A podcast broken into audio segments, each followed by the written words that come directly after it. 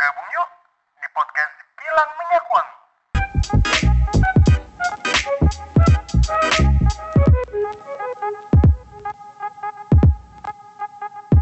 Assalamualaikum warahmatullahi wabarakatuh. Kembali lagi bersama podcast Kilang Minyak Wangi yang kayaknya udah lama banget sampai rasa-rasanya mati suri kali ya. Sebelumnya gue minta maaf kepada para pendengar setia asik.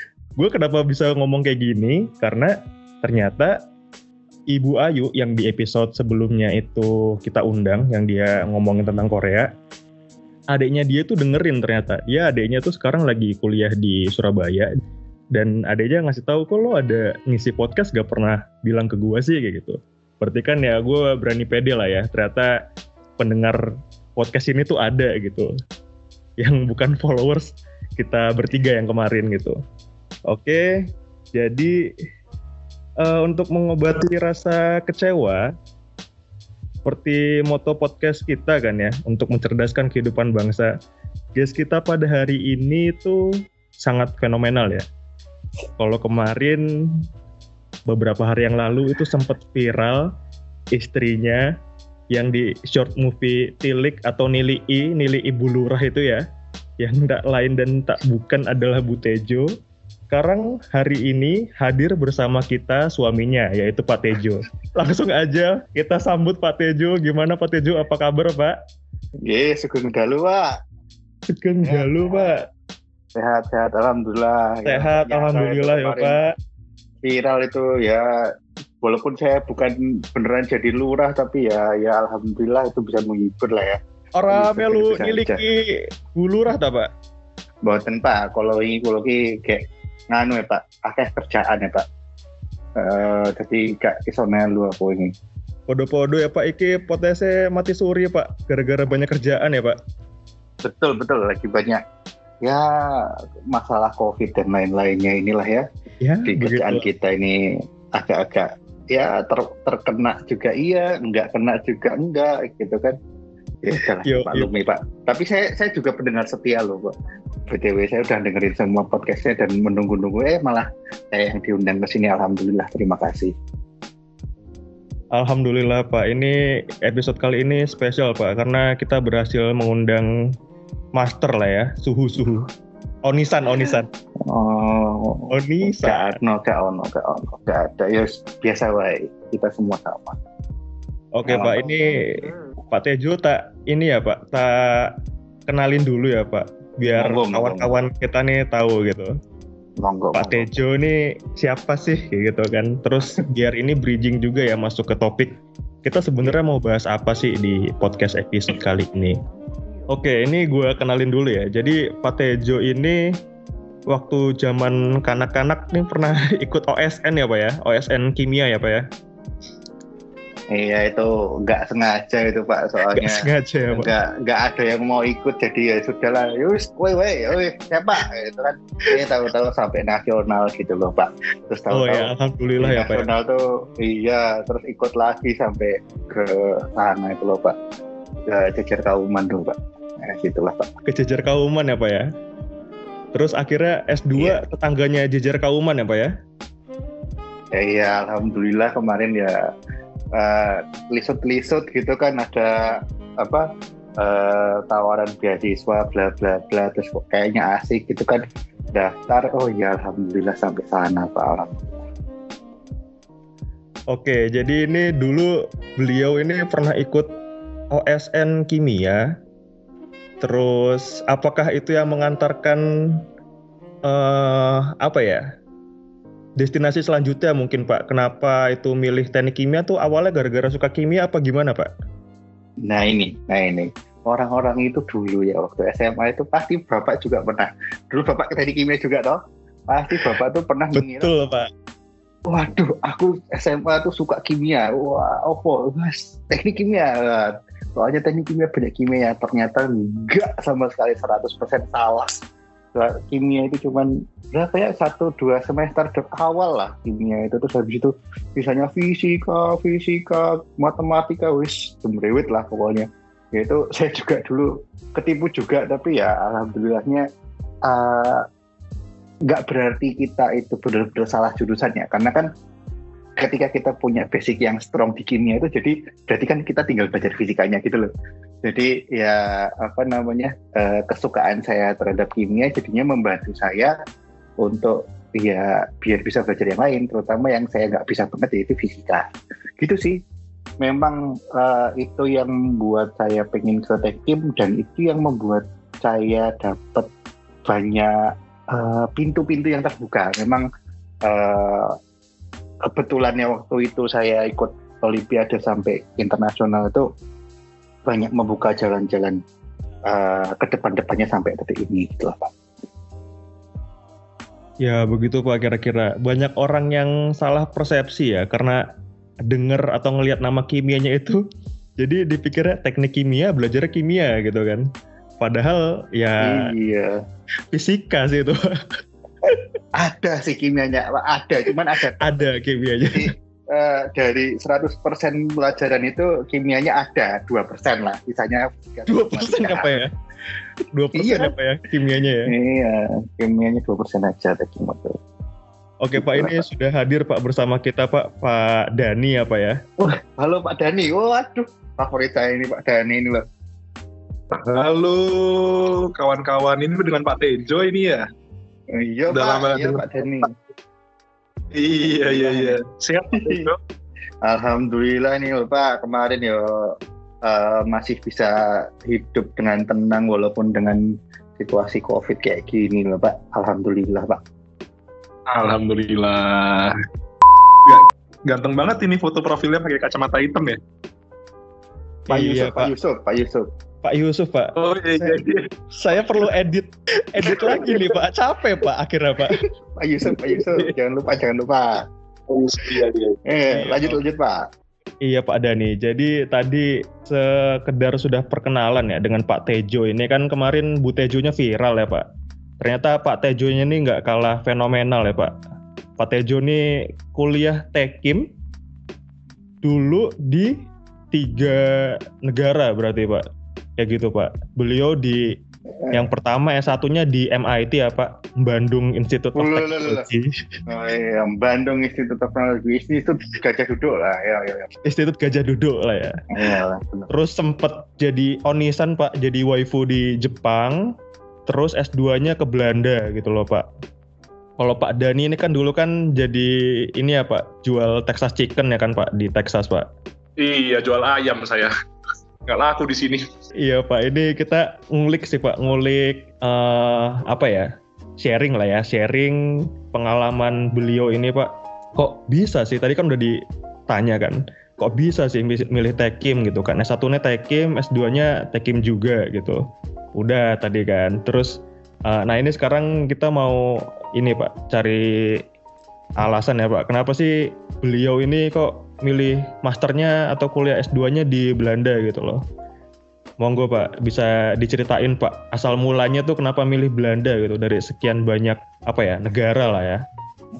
Iya iya iya iya. Kenapa Belanda? Sebenarnya kalau saya ditanyain itu tuh saya juga agak-agak bingung sih sebenarnya Mas. Jadi itu pas saya lulus S1 dari MIT itu Bandung Institute of Technology itu itu uh, pas zaman itu itu memang lagi hit-hitnya yang namanya beasiswa dari lembaga pengelola dana pendidikan atau yang sering kita kenal sebagai LPDP. Tapi saya juga sebenarnya pengen langsung kerja, tapi juga pengen S2 juga gitu kan. Nah akhirnya eh, pas itu tahun 2014 ya, 2014 bulan sekitar bulan April itu itu pas mepet-mepetnya eh, LPDP itu menerima apa pendaftaran gitu kan. Terus ya udahlah saya cari mana yang masuk daftar LPDP karena kan kalau mau dapat itu harus di universitas yang terdaftar ya. Jadi saya harus nyari-nyari uh, mana kira-kira yang bagus gitu kan. Sebenarnya sih saya kalau bisa pengen langsung ke MIT beneran gitu kan. Cuman kan kok yo gitu eh susah gitu kan kalau langsung sana. Ya udahlah cari yang deket-deket ya kemarin sempat di Asia gitu cari-cari yang agak minggir gitu kayak Eropa gitu kan. Terus waktu di Eropa saya uh, mikirnya kalau ke Inggrisku kok ya cuman bahasa Inggris tok gitu kan. Kalau di tempat yang lain kan bisa bahasanya yang lain gitu loh. Maksudnya bisa ketemu mbak-mbak bule yang agak-agak merah-merah atau gimana gitu kan. Jadi ya saya cari-cari yang lain mana mana mana. Oh terus saya ingat oh iya saya itu punya mbah kakung mbah kakung itu bahasa Indonesia apa ya? kakek kakek ah, kakek kakek di Belanda. Itu adiknya nenek saya dari bapak itu beliau dari Belanda dan ada anak-anaknya di situ. Jadi saya mikirnya oh ya sudahlah tak ke Belanda aja. Eh, kalau kalau ada apa-apa kan bisa ke mbah gitu kan ke mbah kakung gitu kan. Nah terus saya cari-cari eh, Belanda eh, teknik-teknik yang eh, karena saya nggak bisa yang lain ya. Kalau saya suruh masuk ke bisnis atau lagi hukum gitu saya mati aja gitu kan. Jadi saya ngertinya tekim ya dari tekim yang paling bagus di Belanda ternyata Delft itu. Terus saya akhirnya saya ke teknis University Delft itulah. Jadi tekim angkatan 2015 dan itu ternyata saya adalah orang Indonesia pertama setelah 2009 yang masuk ke tekimnya TU Delft selama itu. Dan ternyata ya nanti ada ceritanya lah kenapa kok banyak orang Indonesia yang nggak mau ke sana kayaknya gitu. Gitu mas ceritanya. Jadi gara-gara ada keluarga di sana. Oh jadi emang sebelumnya udah ini juga ya Pak inget-inget keluarga ada di mana gitu yang di luar ya akhirnya itu jadi pilihannya Pak. Tapi kalau di Belanda tuh emang nggak kayak ini ya Pak. Kalau setauku ya Pak, correct me if I'm wrong. Kalau misalkan di Prancis terus di Jepang itu kan wajib bisa bahasa sana ya kalau nggak salah ya. Ada kayak sertifikasi minimal harus lolos apa gitu ya gak sih? Betul betul Pak. Uh, Sebenarnya nggak gini sih Pak. Kalau di Prancis kayaknya iya, uh, soalnya dosen pembimbing saya dulu waktu di S1 beliau di Prancis itu memang dia harus bisa bahasa Prancis dulu. Termasuk kenapa saya juga nggak milih Jerman itu Jerman juga mengharuskan seperti itu. Jerman itu terutama untuk S1-nya itu uh, mewajibkan mereka orang-orang yang mau kuliah di sana harus bisa bahasa Jerman karena pengantarnya itu bahasa Jerman. Di Jepang itu hanya sedikit sekali orang yang bisa bahasa Inggris jadi memang kalau mau kuliah di sana walaupun untuk S2 F3 ya itu bahasa Inggris pun nggak apa-apa. Tapi ya better to have some proficiency in Japanese juga gitu kan. Nah kalau Belanda ini memang justru orang Belanda yang mau S2 itu harus bisa bahasa Inggris. Karena semua pengantar bahasa eh semua pengantar S2 di Belanda semua universitas di Belanda S2-nya itu pasti pengantarnya bahasa Inggris. Makanya itu waktu saya di sana itu mahasiswa Belandanya Tekim ya, itu sekitar 50% dari satu kelas. Sisanya itu mahasiswa internasional. Jadi memang S2 di Belanda itu sangat-sangat mendukung untuk uh, sesuatu yang internasional gitu lah. Jadi bahasa pengantarnya yang atau lebih umum gitu Inggris gitu. Jadi saya nggak, saya cuma pakai TOEFL waktu itu terus bisa mas. Oh gitu, jadi emang nggak diwajibkan untuk bisa bahasa native ya sana ya. Tapi kalau Pak Tejo sendiri, lu sendiri nih bisa nggak bahasa Belanda dikit-dikit gitu Pak? Een beetje, cuma sedikit aja, cuman yang uh, conversation tiap hari kayak selamat pagi, good good morning gitu kan, terus iki piro regane? gitu kan, terus pesan apa? gitu bisa lah. Cuman kalau untuk yang proficiency hmm, saya kesalahan saya adalah dua tahun itu saya terlalu sibuk belajar uh, di tekimnya jadi nggak sempat uh, belajar bahasa Belanda dan akhirnya ya saya nggak bisa dapat mbak-mbak di Belanda sih. Memang ini uh, note-nya adalah ini untuk S2-nya ya mas. Jadi kalau untuk S1-nya itu tetap harus pakai bahasa Belanda. Jadi di sana itu kan kalau S1 tuh sistemnya itu kayak apa ya? Kayak D3 jadi uh, lebih ke practical university kalau di sana tuh bilangnya Hochschule. Itu uh, sekolah tinggi gitu. Jadi dia itu cuma tiga tahun dan lebih arah praktikal uh, itu semuanya harus pakai bahasa Belanda. Ter, uh, termasuk teman saya juga yang Indonesia anak Indonesia yang dari sana eh ke sana sudah dari satu dia memang harus pakai bahasa Belanda. Tapi ketika S2 itu justru harus pakai bahasa Inggris gitu mas. Oh iya ya itu pernah dengar juga sih. Kalau nggak salah kayak applied applied science itu kayak The Hague University itu juga Hoge School yes, juga. Betul ya. banget. Yeah, betul, yeah. betul, betul. Applied Science University of yeah. Applied Science ya, betul. Bahasa Kebetulan saya dulu mau ke sana juga, Pak. Jadi oh. ceritanya bisa ketemu kita, Pak. Iya, kalau ke sana ketemu kita. Kita lebih lama berteman daripada yang sekarang. Terus, Pak, gimana yeah. Pak? nggak jadi? tapi memikirkan satu dan lain hal kayaknya saya emang passionnya di nyari uang kayaknya Pak. Jadi ya wes kerja dulu lah. Untuk S2-nya nanti pikir-pikir lagi gitu Pak. Jadi Iya, selama iya, iya, iya. selama di sana ada kesan-kesan atau pengalaman apa yang sampai sekarang menarik lah Pak. Mungkin tentang orang-orangnya atau kehidupannya. Siapa tahu kan pendengar kita nih ada juga yang kepikiran untuk pergi ke Belanda gitu kan. Ya Eh. selaya apa ya singkat aja lah ya Pak mungkin Pak. Eh, eh, eh, saya bukan me- me- menjelekkan negara Eropa lain ya. Walaupun Belanda itu dibilang pernah menjajah kita sekian ratus tahun gitu. Tapi eh, saya merasa bahwa justru orang Belanda itu yang paling apian, yang paling ramah lah sama orang-orang lain. Karena eh, waktu saya nggak sempat jalan-jalan banyak, tapi saya sempat ke beberapa negara kayak Italia itu eh, ke- kebersihannya lebih rendah dibandingkan Belanda. Negara tetangganya kayak Belgia pun juga masih bersihan Belanda. Kemudian kalau di Jerman itu lebih sophisticated dan lebih uh, nun sewu ya agak lebih kayak nggak aman gitu karena banyak eh, imigran dan orang-orangnya terlalu kaku gitu kan. Sedangkan saya di Belanda itu saya merasa aman. Bahkan kan eh, sempat ada kabar bahwa sewaktu saya dua tahun di sana itu penjara Belanda itu dua penjara itu ditutup. Karena apa? Karena nggak ada orang narapidana yang di situ. Jadi saking sedikitnya orang Belanda yang jahat gitu makanya penjaranya sepi akhirnya ditutup.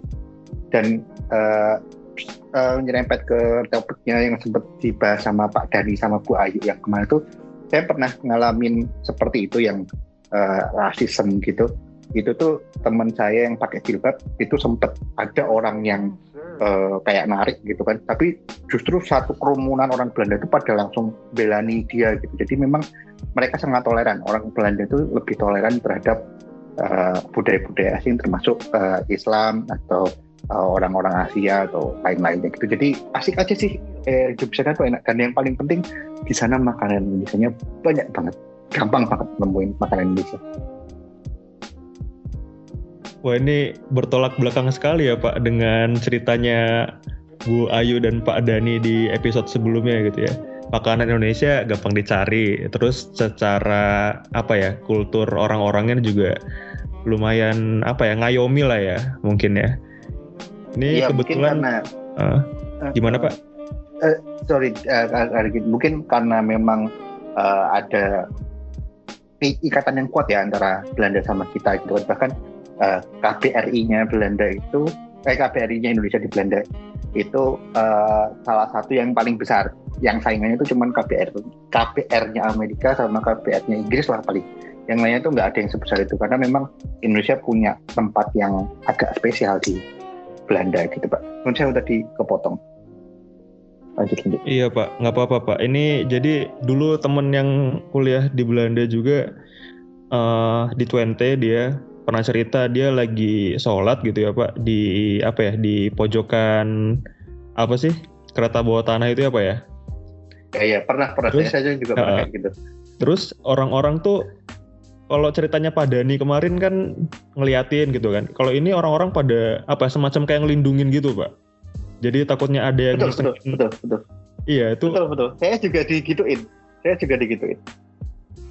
Oh digituin ya Pak. Berarti emang menarik juga ya. Bisa jadi salah satu destinasi nih berarti ya Pak.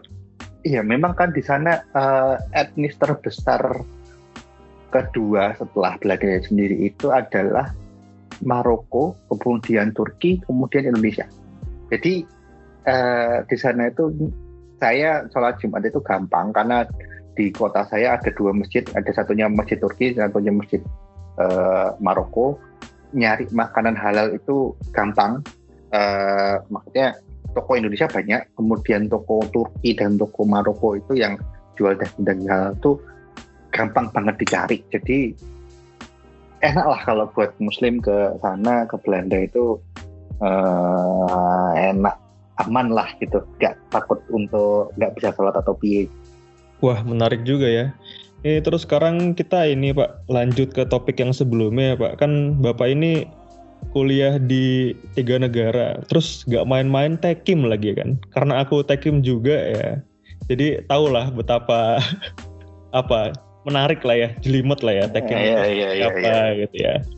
Nah ini bisa diceritain nggak sih Pak? Mungkin apa perbedaannya atau eh, dari apa yang fundamental yang mendasar dari masing-masing negara sistem pendidikannya, terus dari masing-masing negara nih tek kimia yang diajarin tuh seperti apa gitu kan? Mungkin ada perbedaan gitu Pak. Monggo Pak, bisa di sharing Pak. Iya, iya, iya.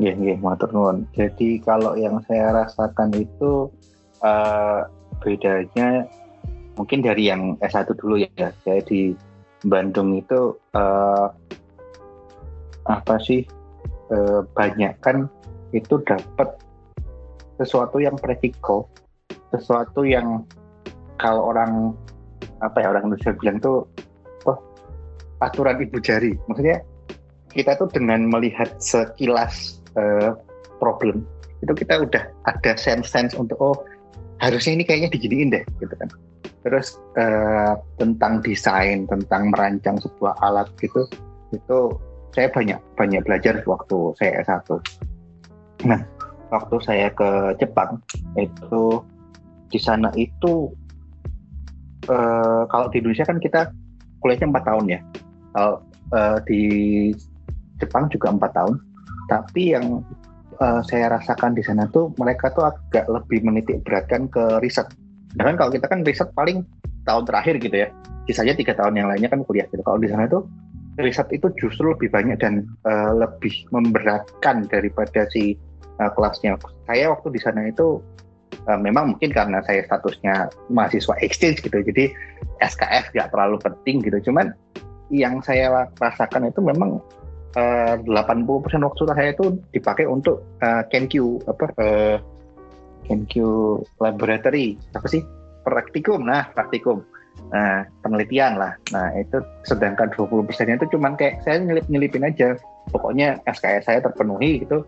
Jadi saya pas lagi segang gitu ke eh, kelas dengerin sebentar kalau nggak sambil tidur tidur atau gimana terus balik lagi ke eh, apa lab gitu kan. Karena memang di sana itu bener-bener eh, kerjaan atau penelitian kamu itu adalah eh, nilai kamu gitu kan. Hidup dan mati kamu ada di situ. Bahkan kadang-kadang itu yang agak ngeselin mungkin ini sama seperti pengalamannya Mbak Ayu di Korea gitu ya. Eh, itu kadang-kadang ada anak yang lebih junior gitu agak diberati sama entah seniornya entah bahkan mungkin eh, dosennya sendiri untuk mengerjakan eh, penelitiannya eh, mereka gitu. Jadi kayak saya junior saya tingkat tiga gitu kan. Saya sebenarnya sudah penelitian gitu kan. Cuman saya harus bantuin penelitiannya anak, eh, anak tingkat empat dulu gitu kan.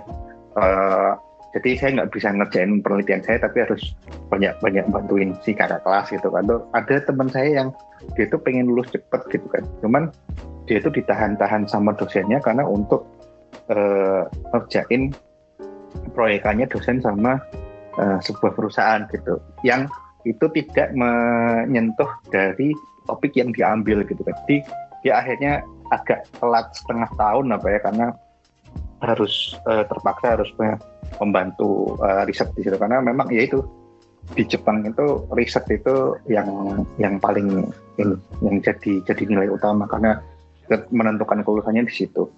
Nah pas di Belanda itu saya merasa bahwa saya itu terpukul dengan bahwa saya itu bego banget di matematika.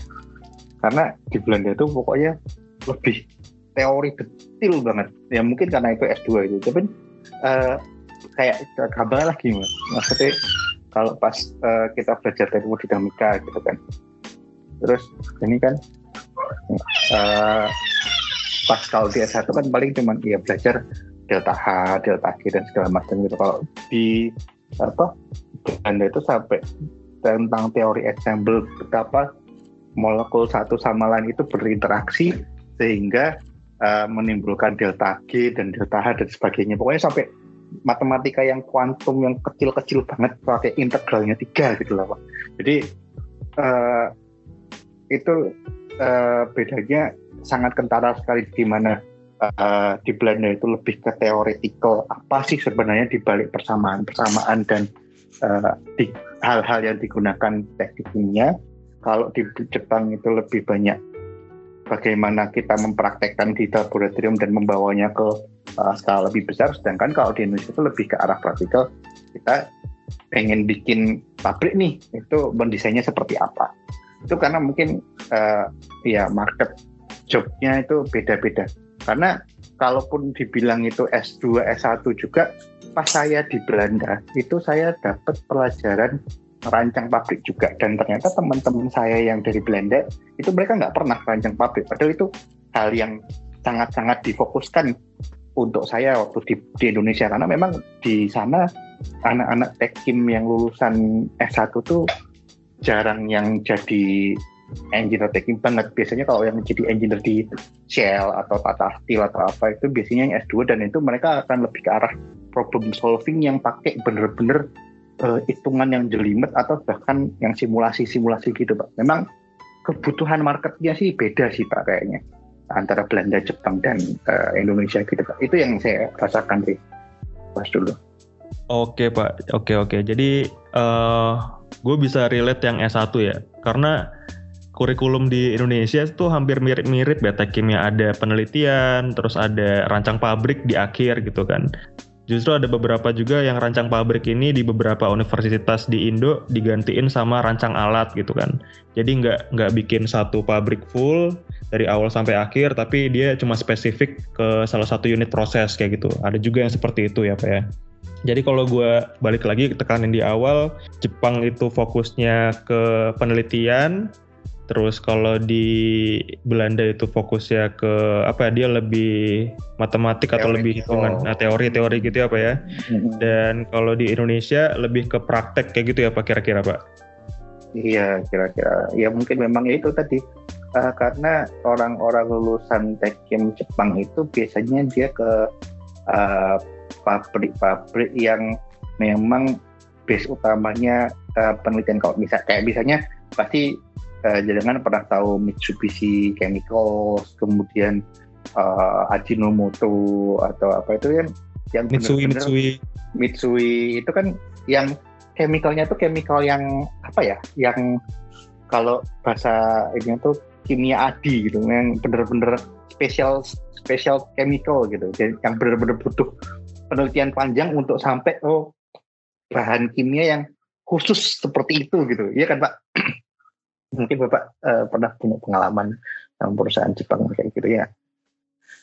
Iya sih Pak, kalau diperhatiin emang negara-negara yang udah maju ini Pak, dia udah nggak apa ya, bukan playing fieldnya lagi untuk chemical yang intermedia gitu ya Pak, dia udah specialty product gitu ya Pak mungkin Pak. Jadi uh, iya. secara pendidikan pun mengikuti kebutuhannya, kira-kira gitu mungkin ya Pak ya?